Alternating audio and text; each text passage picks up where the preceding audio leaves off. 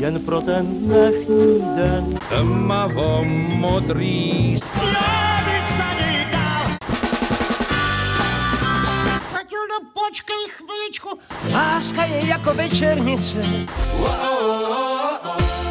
Vítejte u Suprafon podcastu. Dneska tady sedíme společně s Michalem Prokopem. Toho asi není potřeba představovat. Je to jedna z největších uh, rokových hvězd české scény, na které se pohybuje už od 60. let. Uh, chystá nové album, které vyjde 28. května a my si teďka o něm budeme povídat. Ale Michale, ještě než k tomu albu přikročíme, já bych se tě zeptal na věc, která už je teď momentálně na trhu a to je eh, kniha eh, životopisného rozhovoru s tebou, kterou s tebou udělal eh, novinář Michal Bystrov. Ta kniha je taková hodně otevřená, je hodně obsáhlá, nicméně bych se zeptal, je něco, co si v té knize neřekl? Já myslím, že toho je spousta, jo. A já to tam dokonce myslím v takovém epilogu říkám, že obvykle, když skončí ten rozhovor, tak si člověk najednou vzpomene na spoustu věcí, které třeba neřek, nebo který chtěl říct, nebo který, který ho napadli teprve potom. Jo. Mě spousta těch věcí napadá, když už je po. Takže určitě tam takové věci jsou, ale Určitě to nejsou klíčové záležitosti, ale možná, že tam být mohly, možná, že by to bylo veselý, nebo naopak k zamyšlení, to teď si netroufám a ani teď nebudu, teď mě nic nenapadá, co bych třeba konkrétně jmenoval, co jsem tam neřekl a co bych tam třeba mít chtěl. Mm-hmm. O tom, že chystáš nové album, eh, si začal v médiích tak velmi pozvolna mluvit zhruba před dvěma lety. Co tě zrovna v tu dobu vedlo tedy k tomu, že si o novém albu začal uvažovat? Tak já mám uh, mezi těma albama vždycky poměrně docela uh, velkou pauzu. Ono to samozřejmě souvisí s tou situací, v které se nalézáme a taky s tím, že už mi není 20 a že člověk čím je starší, tak tím se vlastně hůř Eh, odhodlává k nějaký eh, nový práci, má spoustu, nebo aspoň já mám spoustu takových obav a, a sebereflexí, aby se člověk neopakoval, aby jestli to ještě jako eh, vůbec ze mě něco vypadne.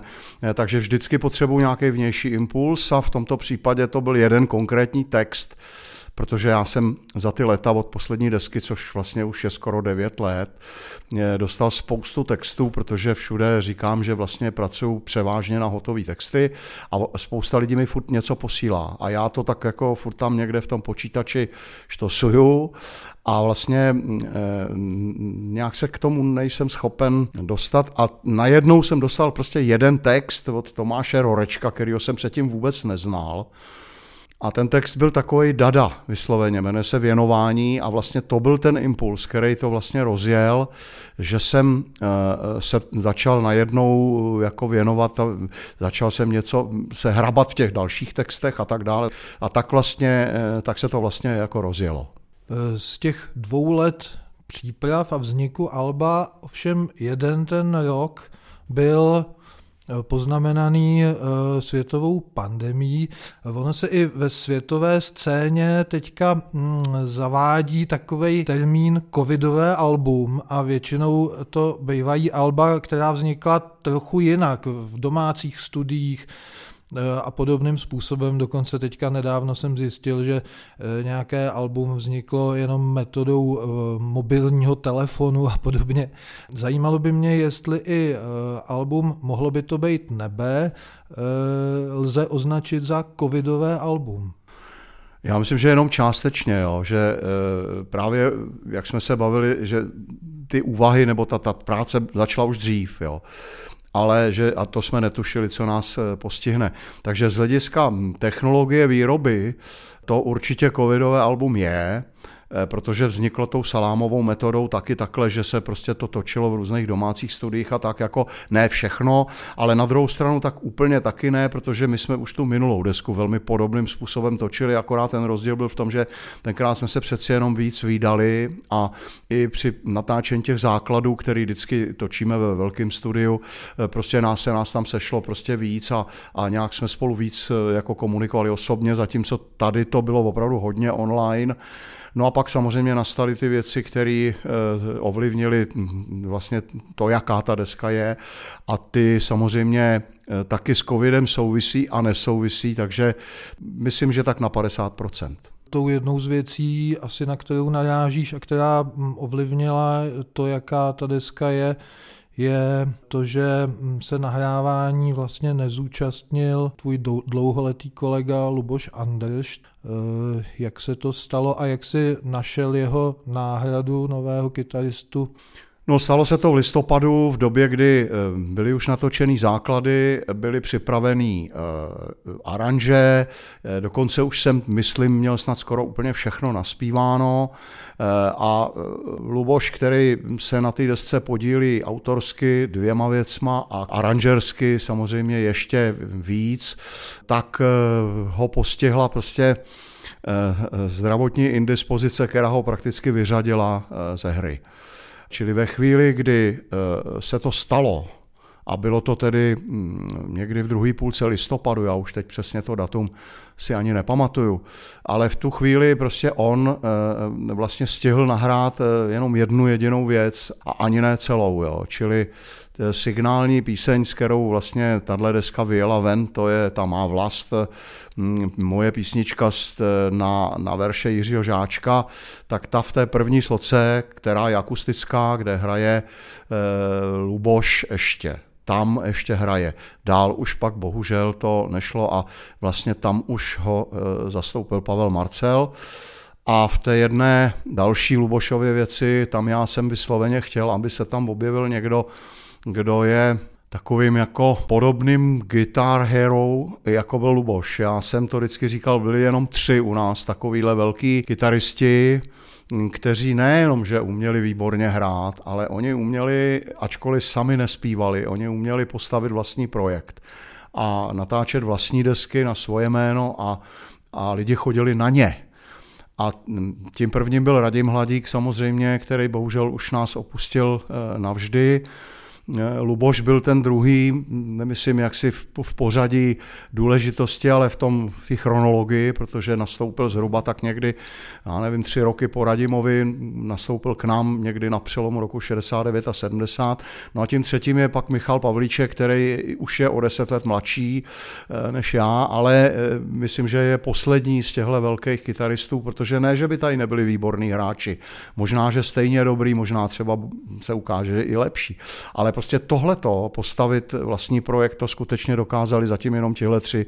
Tak já jsem oslovil Michala Pavlička a právě v té jedné věci, která je Lubošova, autorská věc, jsem chtěl, aby tam prostě hrál, tam je velký kytarový solo mimo jiný a aby to teda hrál jako pod, a on to vlastně Pavliček vzal jako poctu tomu Lubošovi a taky to tam věnoval a udělal to tak úžasně, takže kromě teda Pavla Marcela tam ještě i, i Michal Pavlíček.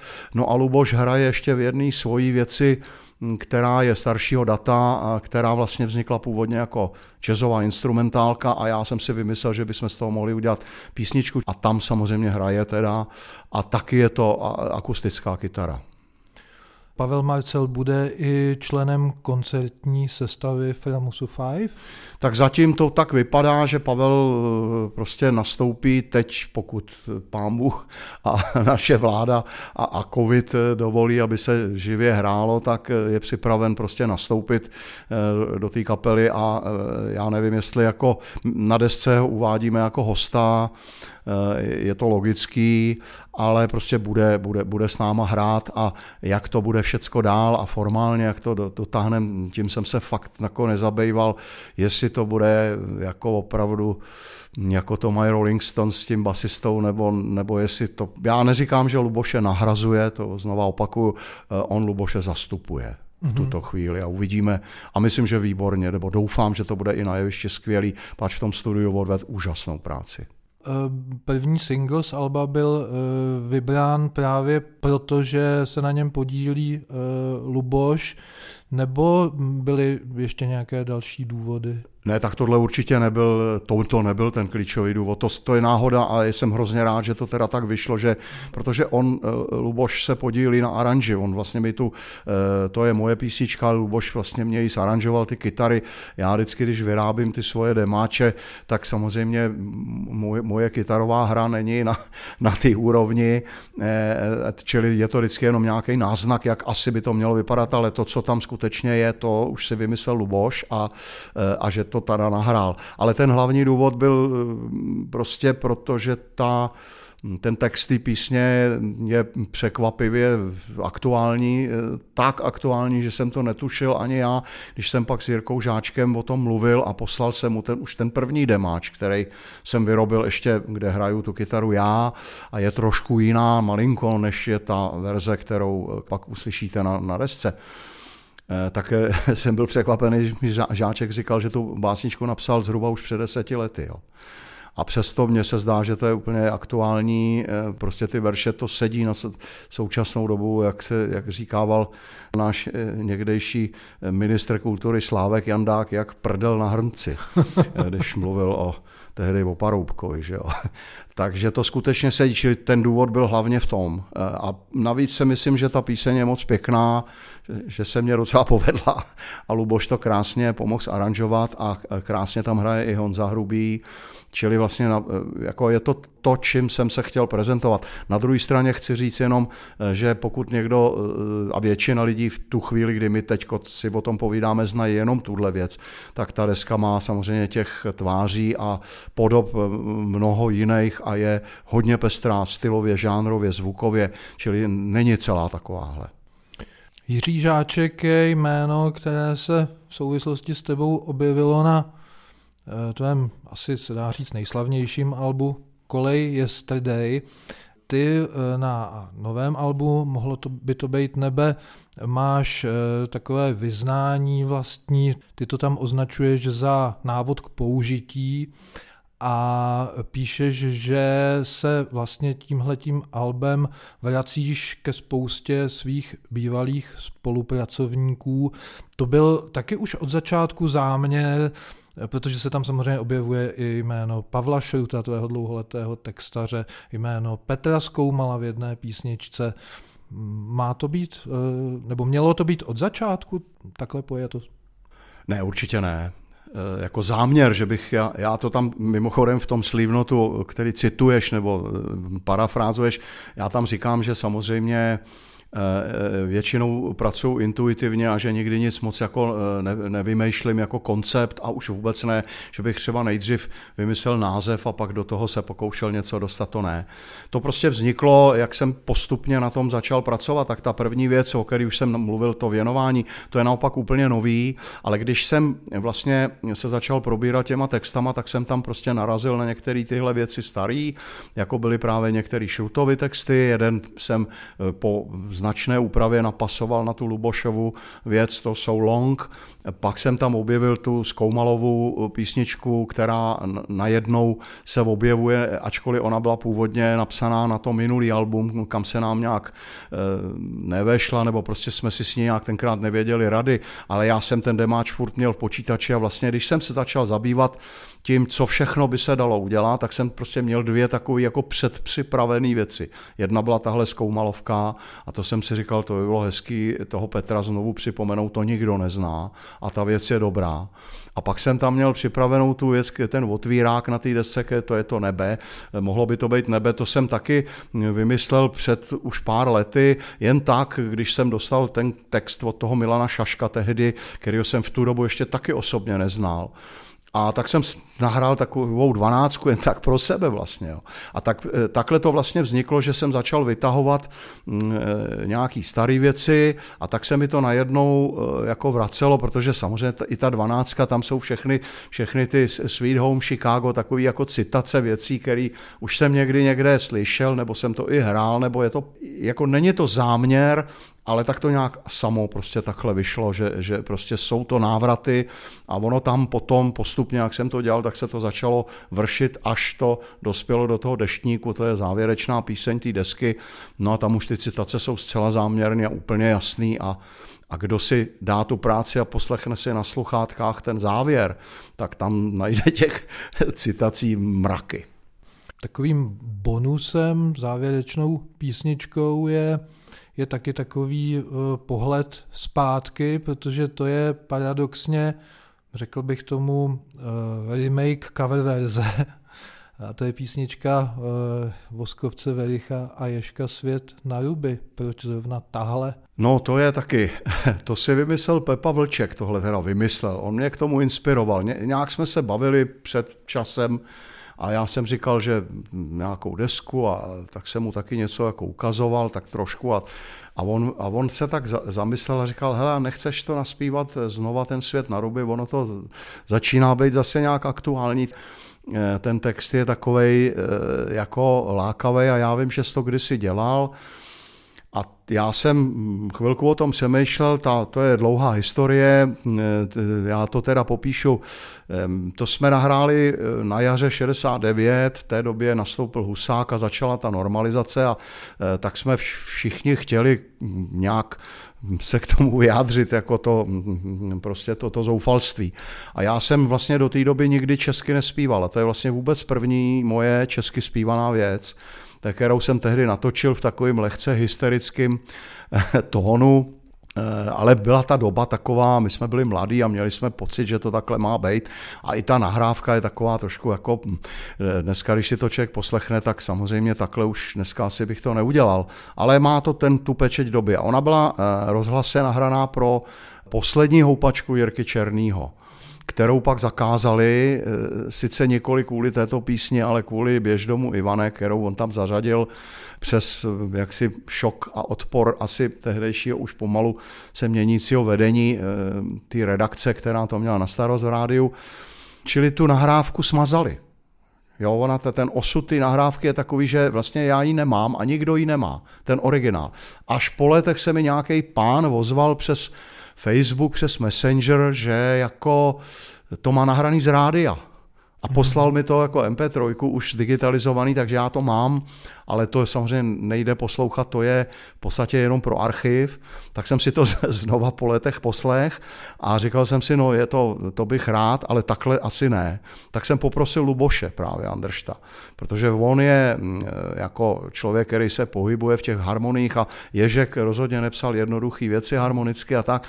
No a on to prostě zaranžoval úžasně, ale opravdu, a já myslím, že jestli něco na té desce je vizitka Luboše, tak možná víc než ta jeho pecka, nebo než ty v obě jeho pecky, je možná tohle, jo, hmm. protože on to aranžoval tak e, krásně s tou harmonií, si pohrál. Já, já ti řeknu ještě jednu věc, když Luboš k nám přišel, někdy na přelomu toho 69. 70. roku, už nevím přesně, kdy to bylo, tak on přines sebou první písničku a to bylo Noc je můj den. A to je vlastně věc, kterou do dneška hrajem, nebo do teďka jsme ji hráli pořád. A myslím, že to je do dneška jako pro mě nejkrásnější věc, kterou Luboš napsal. Uh, on ji nenapsal pro mě, ale jo, pro mě to tak jako působí. A uh, já jsem, když jsem to poprvé slyšel, tak jsem říkal, to je Ježek skřížený s Hendrixem. A tohle, ta aranž toho skutečného Ježka, toho světa na ruby, to je najednou znovu zpátky úplně tohle, že to je pravý ježek. A akorát, že už tam nehraje ten Andršt, ale ten Pavel Marcel se tam trefil podle mýho soudu. Zajímalo by mě, jestli by to někdy Luboš mohl posoudit, jestli takhle nějak, takhle já jsem si to nějak představoval, že by to asi mohlo být. Čili on to prostě nahrál v tom duchu, trefil se do toho Luboše hrozně a proti němu hraje úžasně ten Honza Hrubý. Ty houslery jsem, já jsem Honzovi říkal, zahraj to jako Stepan Grapeli, který v těch 30. letech, kdy ta písnička vznikala takhle, oni hráli. A ten Honza to prostě úplně stejně tam nasmažil. Takže tam proti sobě najednou jsou dva takovýhle eh, jako solový party. A ten Luboš, který je pod tím podepsaný jako aranžér a prostě Ježek a Voskovec a Verich, no to je prostě, to je Nobel společnost. Teda. To je. A to je bonus na té desce a na tom vinilovém vydání je to jediná skladba na té čtvrté straně. On je to vlastně mhm. dvoj, dvoj LP tak já jsem si pak vymyslel, co jsme si dali dohromady, tady s Karlem Denišem a s Bráchou, že vlastně by to bylo dobré, by tam na, na té čtvrté straně, kde už, že tam by byla jenom, jenom ta jedna věc. Když vidím tady před sebou obal toho alba, eh, ten má takový přírodní charakter. Eh, jak to souvisí s nebem? To asi, jak vždycky říkali, když jsem byl malý číšník u kolegy, jo.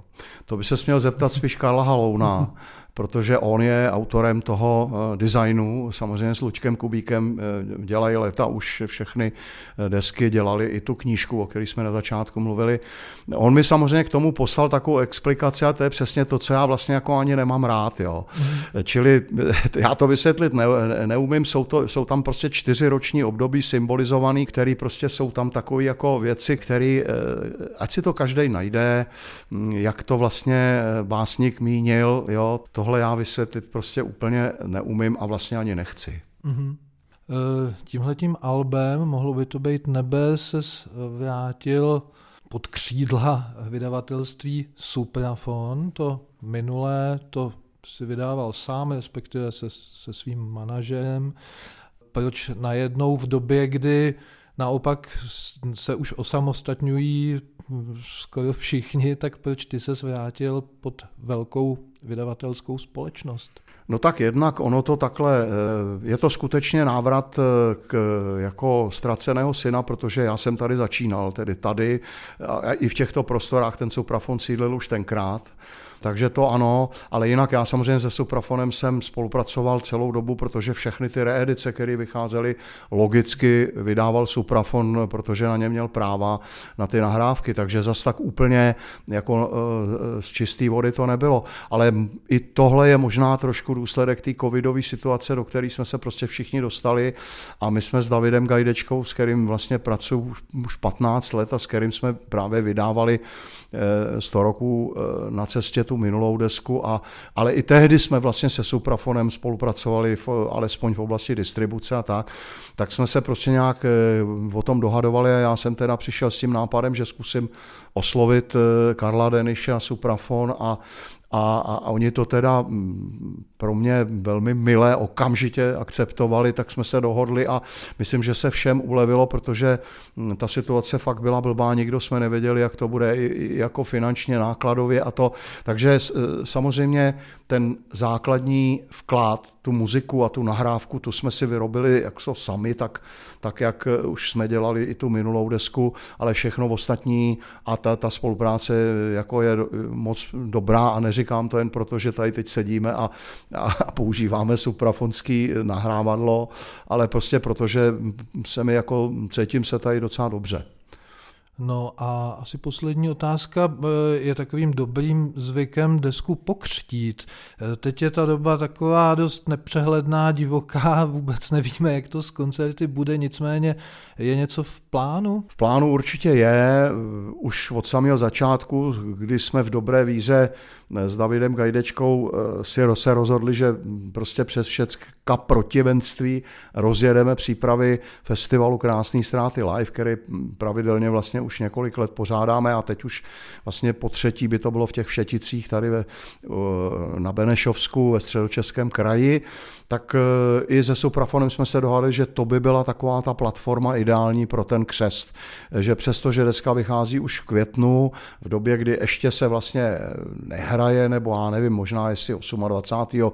května už nějaký první vlaštovky budou, ale že taková skutečně už ta sezóna natolik rozjetá, aby to vidělo eh, pár lidí, aby opravdu to zafungovalo, takže by mohlo být tam, čili 13. srpna když dá pámbu dá, bychom to pokřtili a eh, možná, že se pokusíme udělat to, co se nám nepovedlo s tou knížkou, protože ta vyšla v době, kdy eh, sice ještě byly otevřený krámy, pak 14 dní před Vánocem, ale vlastně jsme ji taky nemohli pokřtít, to jsme chtěli na vánočním koncertě, který nebyl potom.